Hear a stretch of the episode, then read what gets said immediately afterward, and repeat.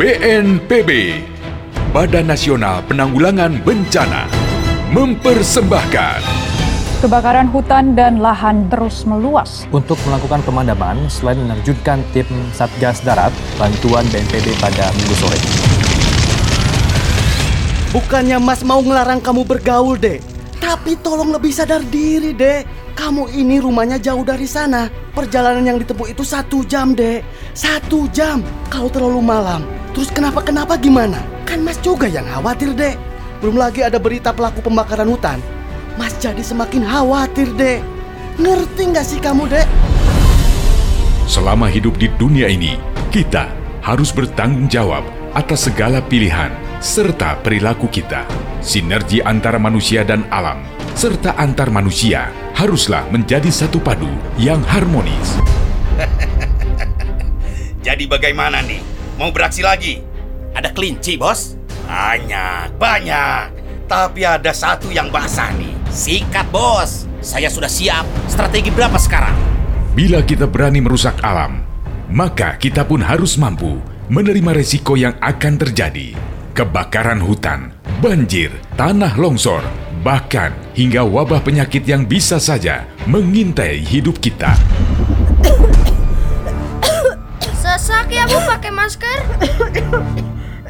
Bu, Ibu Rati jatuh. Dia pingsan. Aduh, pingsan, pingsan. Harus segera ditolong. Tolong, tolong, tolong. Kita update data COVID-19 Indonesia. Apa itu COVID-19?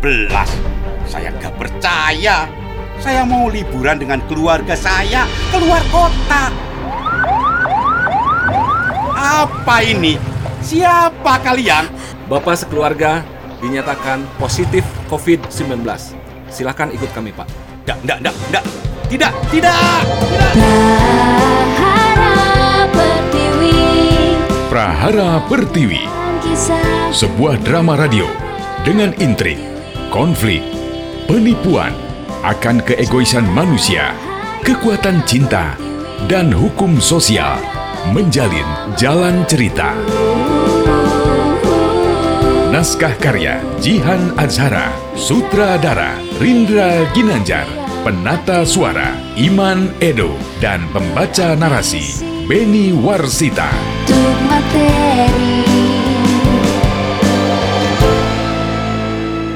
Aku pergi dulu ya. Maskernya ketinggalan. Masker? Ini kan aku udah pakai. Iya, ini masker cadangan. Kalau pakai masker kain harus diganti. Jangan seharian dipakai terus. Oh, gitu ya, Yang. Iya, jadi nanti diganti ya maskernya. Ya. Sama satu lagi yang harus diingat-ingat. Ingat-ingat apa lagi? Ingat supaya tetap pakai masker, cuci tangan, selalu jaga kebersihan, hindari kerumunan, dan jaga jarak. Oh, maksudnya kita harus biasakan gaya hidup baru ya, Yang? Betul, kita ini harus disiplin dan komitmen. Sama jangan lupa, Hmm, tetap kompak agar kita bisa beraktivitas kembali normal. betul yang di masa adaptasi kebiasaan baru ini emang paling penting itu saling mendukung karena kita ini adalah makhluk sosial. Singkatnya, ingat 3M. Memakai masker, Betul? menjaga jarak, Ya, dan mencuci tangan pakai sabun. betul banget. Jaga jarak, jangan bikin baper orang. Hehehe, kok jadi ke situ sih? Ya udah, aku pergi dulu ya. Canda sayang, hati-hati ya di jalan. Semoga kita sekeluarga selalu sehat. Amin. Iklan layanan masyarakat ini dipersembahkan oleh BNPB, Badan Nasional Penanggulangan Bencana. Ingat, patuhi protokol kesehatan di mana pun Anda berada. Jaga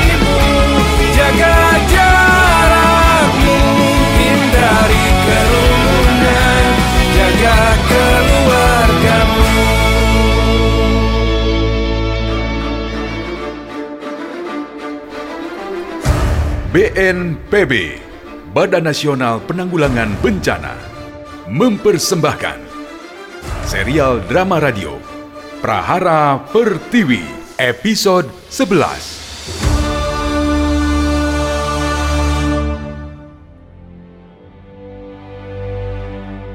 Pada episode sebelumnya, Kemuning melihat dua sosok pemuda mencurigakan setelah ia mendapati beberapa sampah terbakar di tengah hutan.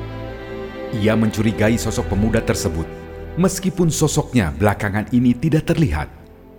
Selain hal itu, absennya Pertiwi untuk mengajar menimbulkan kecurigaan sendiri bagi Kemuning.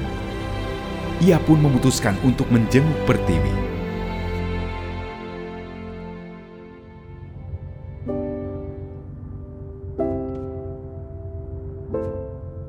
Rumah Tiwi itu yang mana ya? Jujur aku nggak hafal jalan sebetulnya. Untung ada bantuan aplikasi navigator yang nunjukin jalan. Semoga nggak nyasar deh. Mana pinjem mobil orang tuanya Mustika pula. Jangan sampai nyasar dan kenapa-napa pokoknya. 50 meter belok ke kiri dan Anda sudah sampai. Eh, ini ya rumahnya. Bener nggak ya? Harus aku telepon dulu nih Tiwinya.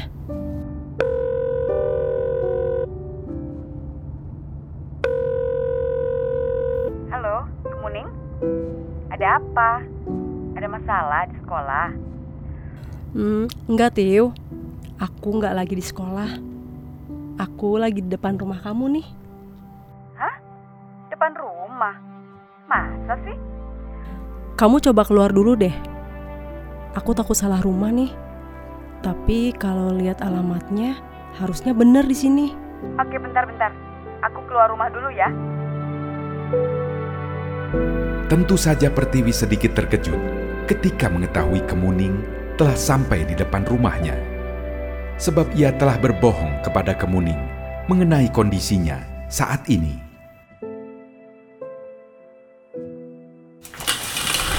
Itu mobil kemuning kah yang di depan rumah? Kayaknya iya deh.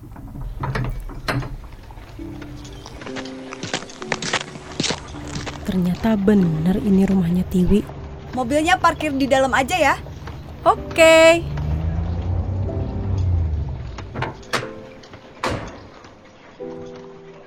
Jadi ini benar rumah kamu ya? Tadinya aku takut nyasar karena jujur aja aku belum pernah ke daerah sini. Syukurlah akhirnya ketemu kamu juga. Jadi ngerepotin kamu nih. Oh iya, ini ada sedikit hadiah buat kamu. Aduh. Parsel buah dan apa ini? Ini surat dari anak-anak. Oh. Waktu itu aku minta mereka untuk menulis surat buat kamu. Ah, ya ampun, aku jadi ngerepotin sekali lagi nih. Yuk, masuk dulu yuk. Eh, maaf loh, rumahnya masih berantakan. Santai aja, Tiu. Aku juga minta maaf ya. Datang tapi nggak ngasih tahu kamu dulu. Ayo, duduk-duduk. Kamu mau aku buatin minum apa? Air jeruk mau? Panas gini enaknya minum yang seger-seger deh. Air jeruk agak susah ya kayaknya bikinnya. Aku bantu deh. Eh, eh, eh, gak usah, gak usah. Kamu kan kali ini tamu aku. Jadi kamu diem aja di ruang tamu. Jangan repot-repot. Sebentar ya, aku bikinin dulu minumnya. Eh, bentar. Mau sambil nonton TV atau mau sambil dengerin radio? Radio aja deh. Kalau TV kayaknya banyak banget tentang berita kemarau. Jadi aku mau dengerin radio aja. Oke deh, sambil dengerin radio aja ya. Oke. Tiwi kelihatannya baik-baik aja. Syukurlah, berarti dia udah sehat. Atau mungkin dia punya alasan lain.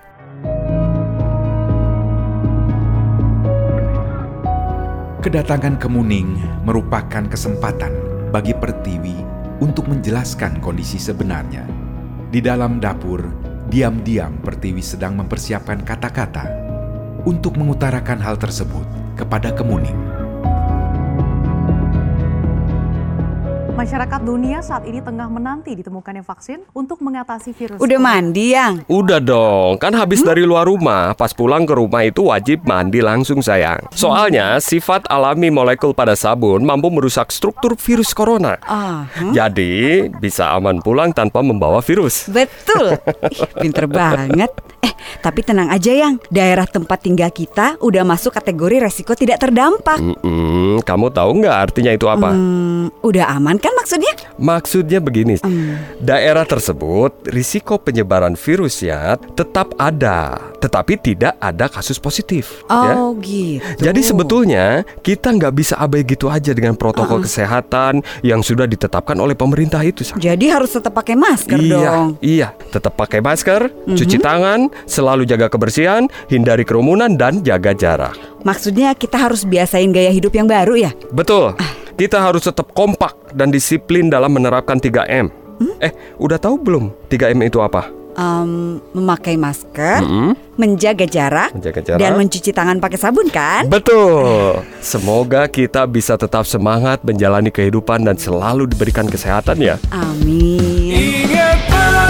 Iklan layanan masyarakat ini dipersembahkan oleh BNPB, Badan Nasional Penanggulangan Bencana.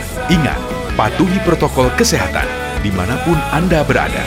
Selalu saling jaga jarakmu Hindari kerumunan Jaga keluargamu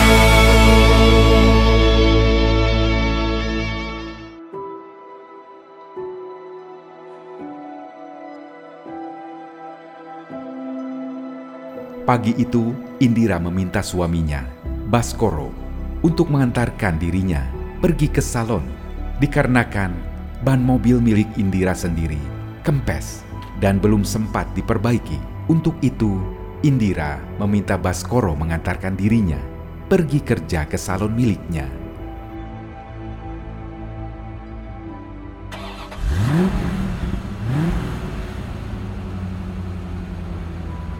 Bunda.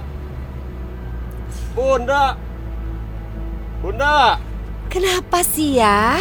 Manggilnya kok kayak yang marah gitu loh. Kan Bunda bisa dengar sekali manggil juga ya. Ya maaf bun, takutnya bunda masih dandan gitu loh.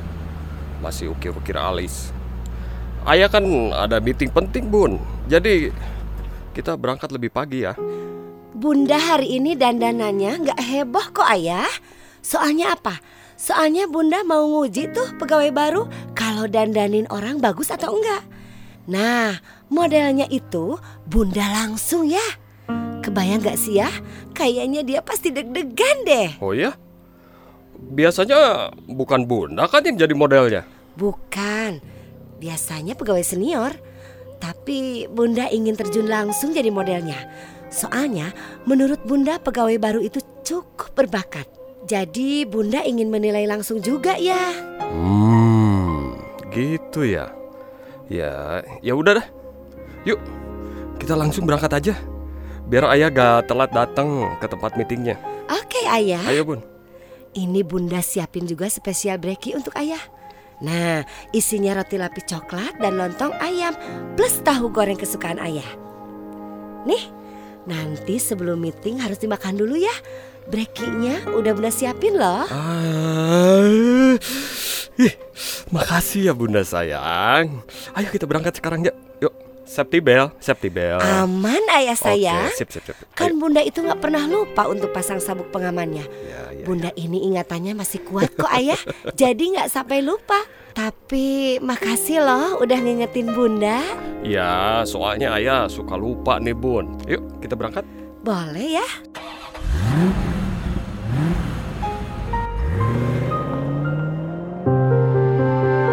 Pertiwi datang sembari membawa air jeruk untuk Kemuning yang telah menunggunya di ruang tamu. Ia telah siap untuk memberitahukan kepada Kemuning mengenai kondisi yang telah ia jalani. Ini es jeruknya udah jadi. Oh iya, radionya kekencengan deh suaranya. Aku kecilin dulu ya. Oke, makasih Tiu jeruknya. Eh, eh, iya sih, boleh boleh matiin aja deh nggak apa-apa. Udah lama kan kita nggak ngobrol berdua kayak gini. Oke oke, aku matiin aja radionya. Hmm, kamu udah sembuh Tiu? Hmm, aku kelihatan sehat kan? Iya, kamu kelihatan sehat. Syukurlah. Tadinya aku sempet cemas loh.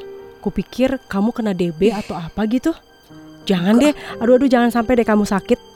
Besok kayaknya aku juga bisa ngajar kok. Sekalian Sekalian apa? em, gini Kemuning. Sebetulnya waktu hari Senin kemarin itu aku nggak sakit. Hmm, terus? Aku bohong sama kamu. Hah? Aduh, gimana ya? Semua semua terjadi begitu cepat.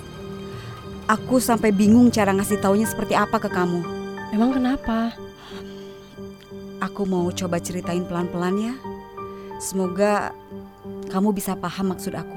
Oke, kamu boleh dan sangat bisa ceritakan kondisi yang sebenarnya.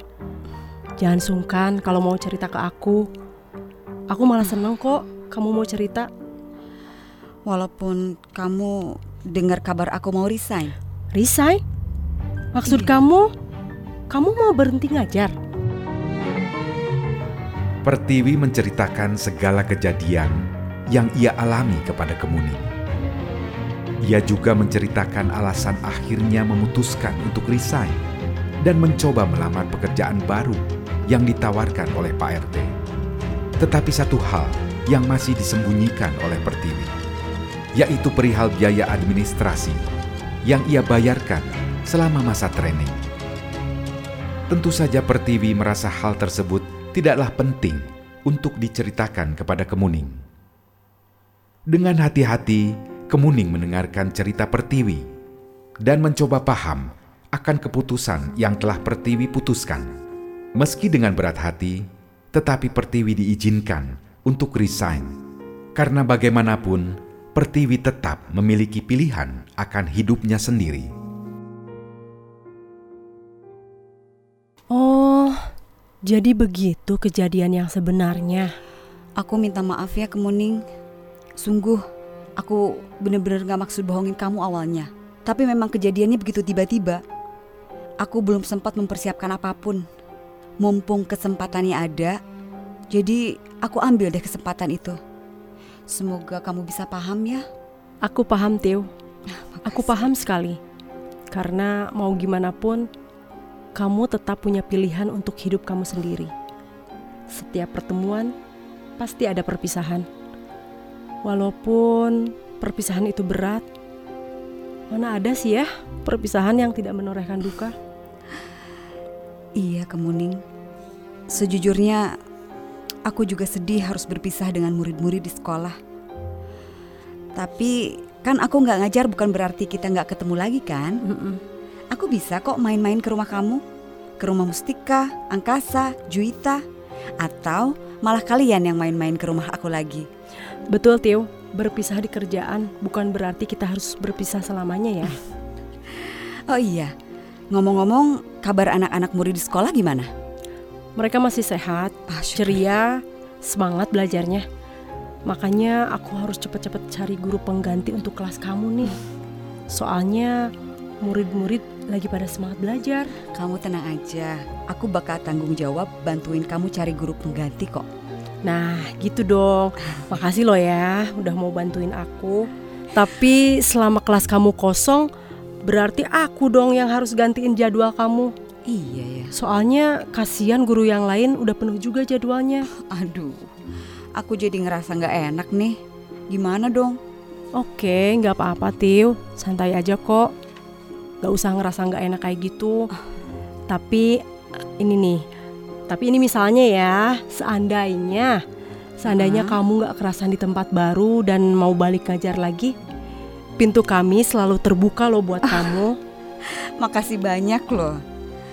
Aku bener-bener kebantu banyak banget semenjak kenal kamu. Sama, aku juga jadi punya teman cerita semenjak ketemu kamu. Kemuning menghabiskan banyak waktu di rumah Pertiwi. Ia bahkan tidak sadar telah berada lama di rumah Pertiwi hingga menjelang sore hari. Siang hari menjelang sore, istrinya Pak RT menanyakan perihal dua gelas yang hilang dari rumahnya. Kedua gelas itu dipakai Panca ketika mewawancarai Pertiwi. Pak RT dengan sigap menelepon Panca dan menanyakan perihal gelas miliknya.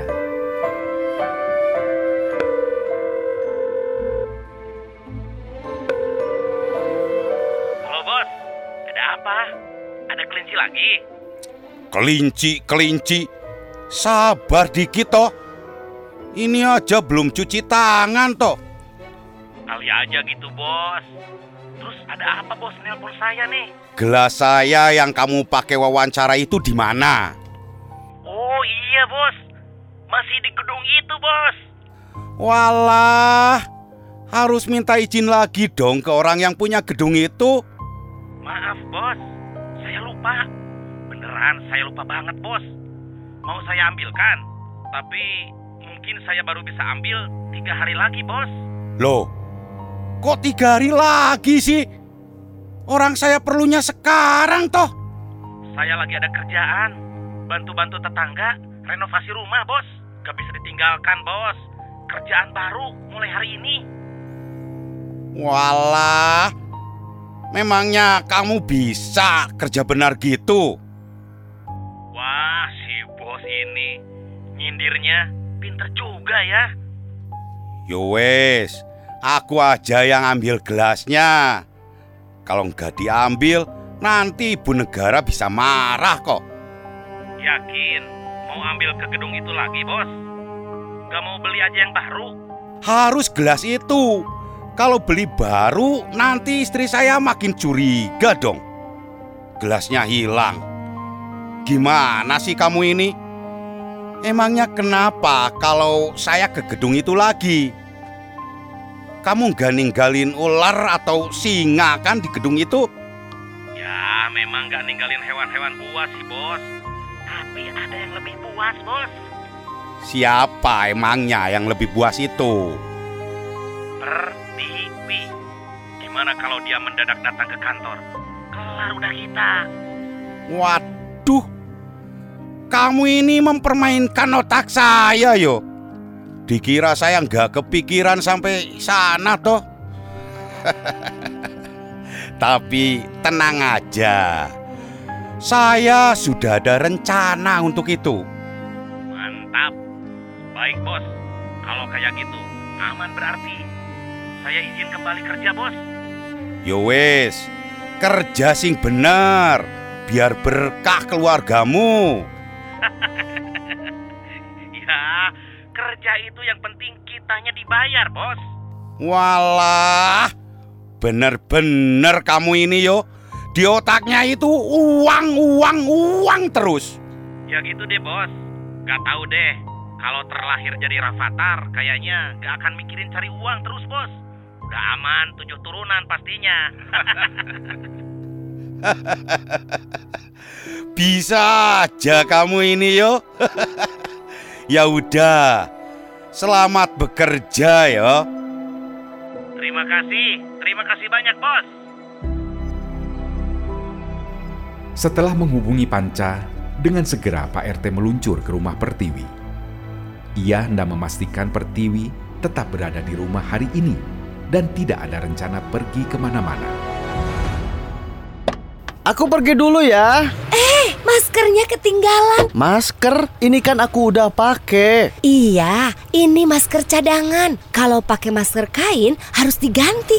Jangan seharian dipakai terus. Oh, gitu ya, Yang. Iya, jadi nanti diganti ya maskernya. Iya. Sama satu lagi yang harus diingat-ingat. Ingat-ingat apa lagi? Ingat supaya tetap pakai masker, cuci tangan, selalu jaga kebersihan, hindari kerumunan, dan jaga jarak. Oh, maksudnya kita harus biasakan gaya hidup baru ya, Yang? Betul, kita ini harus disiplin dan komitmen. Sama jangan lupa, Hmm, tetap kompak agar kita bisa beraktivitas kembali normal. betul yang di masa adaptasi kebiasaan baru ini emang paling penting itu saling mendukung karena kita ini adalah makhluk sosial. Singkatnya, ingat 3M. Memakai masker, Betul? menjaga jarak, Ya, dan mencuci tangan pakai sabun. betul banget. Jaga jarak, jangan bikin baper orang. Hehehe, kok jadi ke situ sih? Ya udah, aku pergi dulu ya. Canda sayang, hati-hati ya di jalan. Semoga kita sekeluarga selalu sehat. Amin.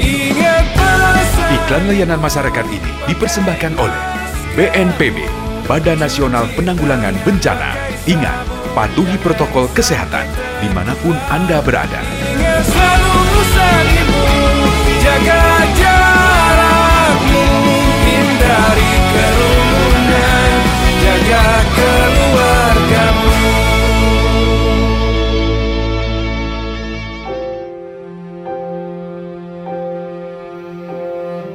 Pak RT yang mengendarai motornya terheran-heran melihat sebuah mobil yang terparkir di halaman rumah Pertiwi.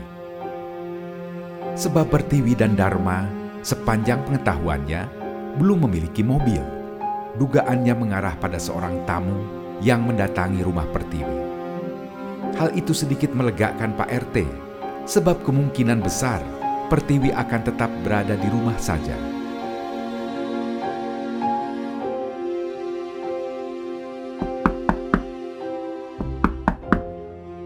Siapa tuh? Perasaan aku nggak ada janji sama siapa-siapa di hari ini. Temui aja dulu, siapa tahu penting. Sebentar ya, kamu santai aja dulu di sini. Oke. Sebentar. Eh, Pak RT, ada apa Pak? Tumben ke sini? Ah, enggak. Ini kebetulan lewat dan ngelihat ada mobil. Mbak Pertiwi sedang ada tamu ya? Iya betul Pak. Itu tamu saya sedang duduk di ruang tamu. Halo Pak RT. Walah, cantik sekali. Halo. Tamunya Mbak Pertiwi ya? Betul Pak. Saya nggak akan lama kok di sini. Oh gitu. Oh ya, tadinya mau ngingetin Mbak Pertiwi kalau ada tamu satu kali 24 jam itu harap lapor. Jangan sampai lupa loh aturan itu. Iya Pak, tentu saya nggak akan lupa. Terima kasih ya Pak sudah mengingatkan. Ya sudah, kayaknya tamunya masih lama juga di sini ya. Saya permisi pamit dulu ya. Ada urusan penting nih. Oh, nggak akan mampir dulu Pak. Ah, yang benar nih Mbak. Boleh masuk. Yakin Pak? Saya pikir Bapak ada urusan penting sekarang. Lagian Mbak Tiwi ini pakai acara nawarin segala. Yo wes, kalau gitu saya pamit. Jangan lupa dikunci pintunya yo. Iya Pak. Tetap di rumah yo, biar aman. iya Pak. Saya permisi dulu Mbak Tiwi. Hati-hati di jalan ya Pak. Yo, mari. Terima kasih Mbak. Salam untuk tamunya. iya Pak.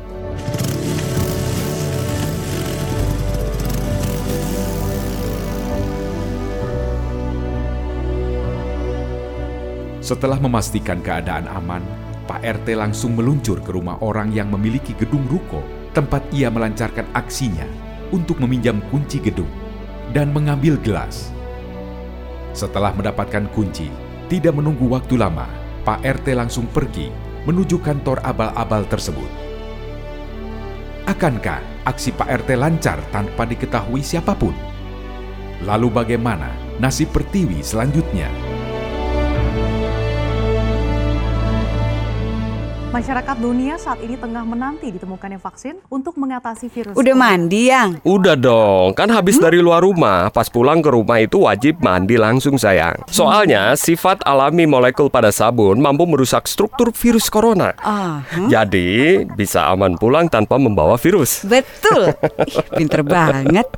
Tapi tenang aja yang daerah tempat tinggal kita udah masuk kategori resiko tidak terdampak. Mm-mm, kamu tahu nggak artinya itu apa? Hmm, udah aman kan maksudnya? Maksudnya begini, daerah tersebut risiko penyebaran virusnya tetap ada, tetapi tidak ada kasus positif. ya. Oh gitu. Jadi sebetulnya kita nggak bisa abai gitu aja dengan protokol kesehatan yang sudah ditetapkan oleh pemerintah itu. Sang. Jadi harus tetap pakai masker iya, dong. iya, tetap pakai masker, Mhm. cuci tangan, selalu jaga kebersihan, hindari kerumunan dan jaga jarak. Maksudnya kita harus biasain gaya hidup yang baru ya? Betul.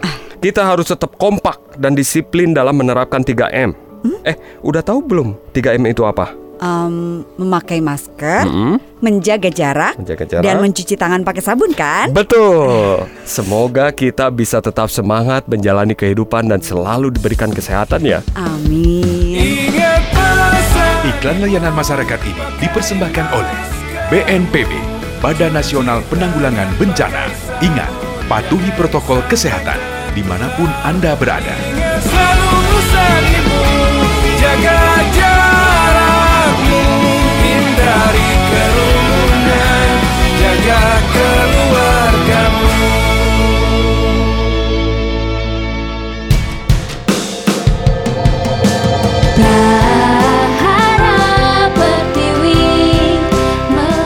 Saudara pendengar, demikianlah serial drama radio Prahara Pertiwi.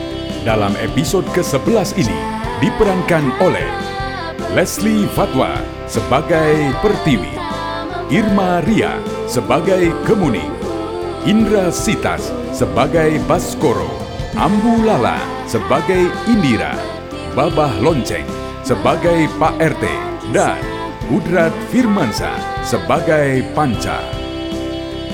Simak episode selanjutnya dalam serial drama radio Prahara Pertiwi. Persembahan Badan Nasional Penanggulangan Bencana. Naskah karya Jihan Azhara, Sutradara Rindra Ginanjar, Penata Suara Iman Edo, dan pembawa cerita Benny Warsita. Materi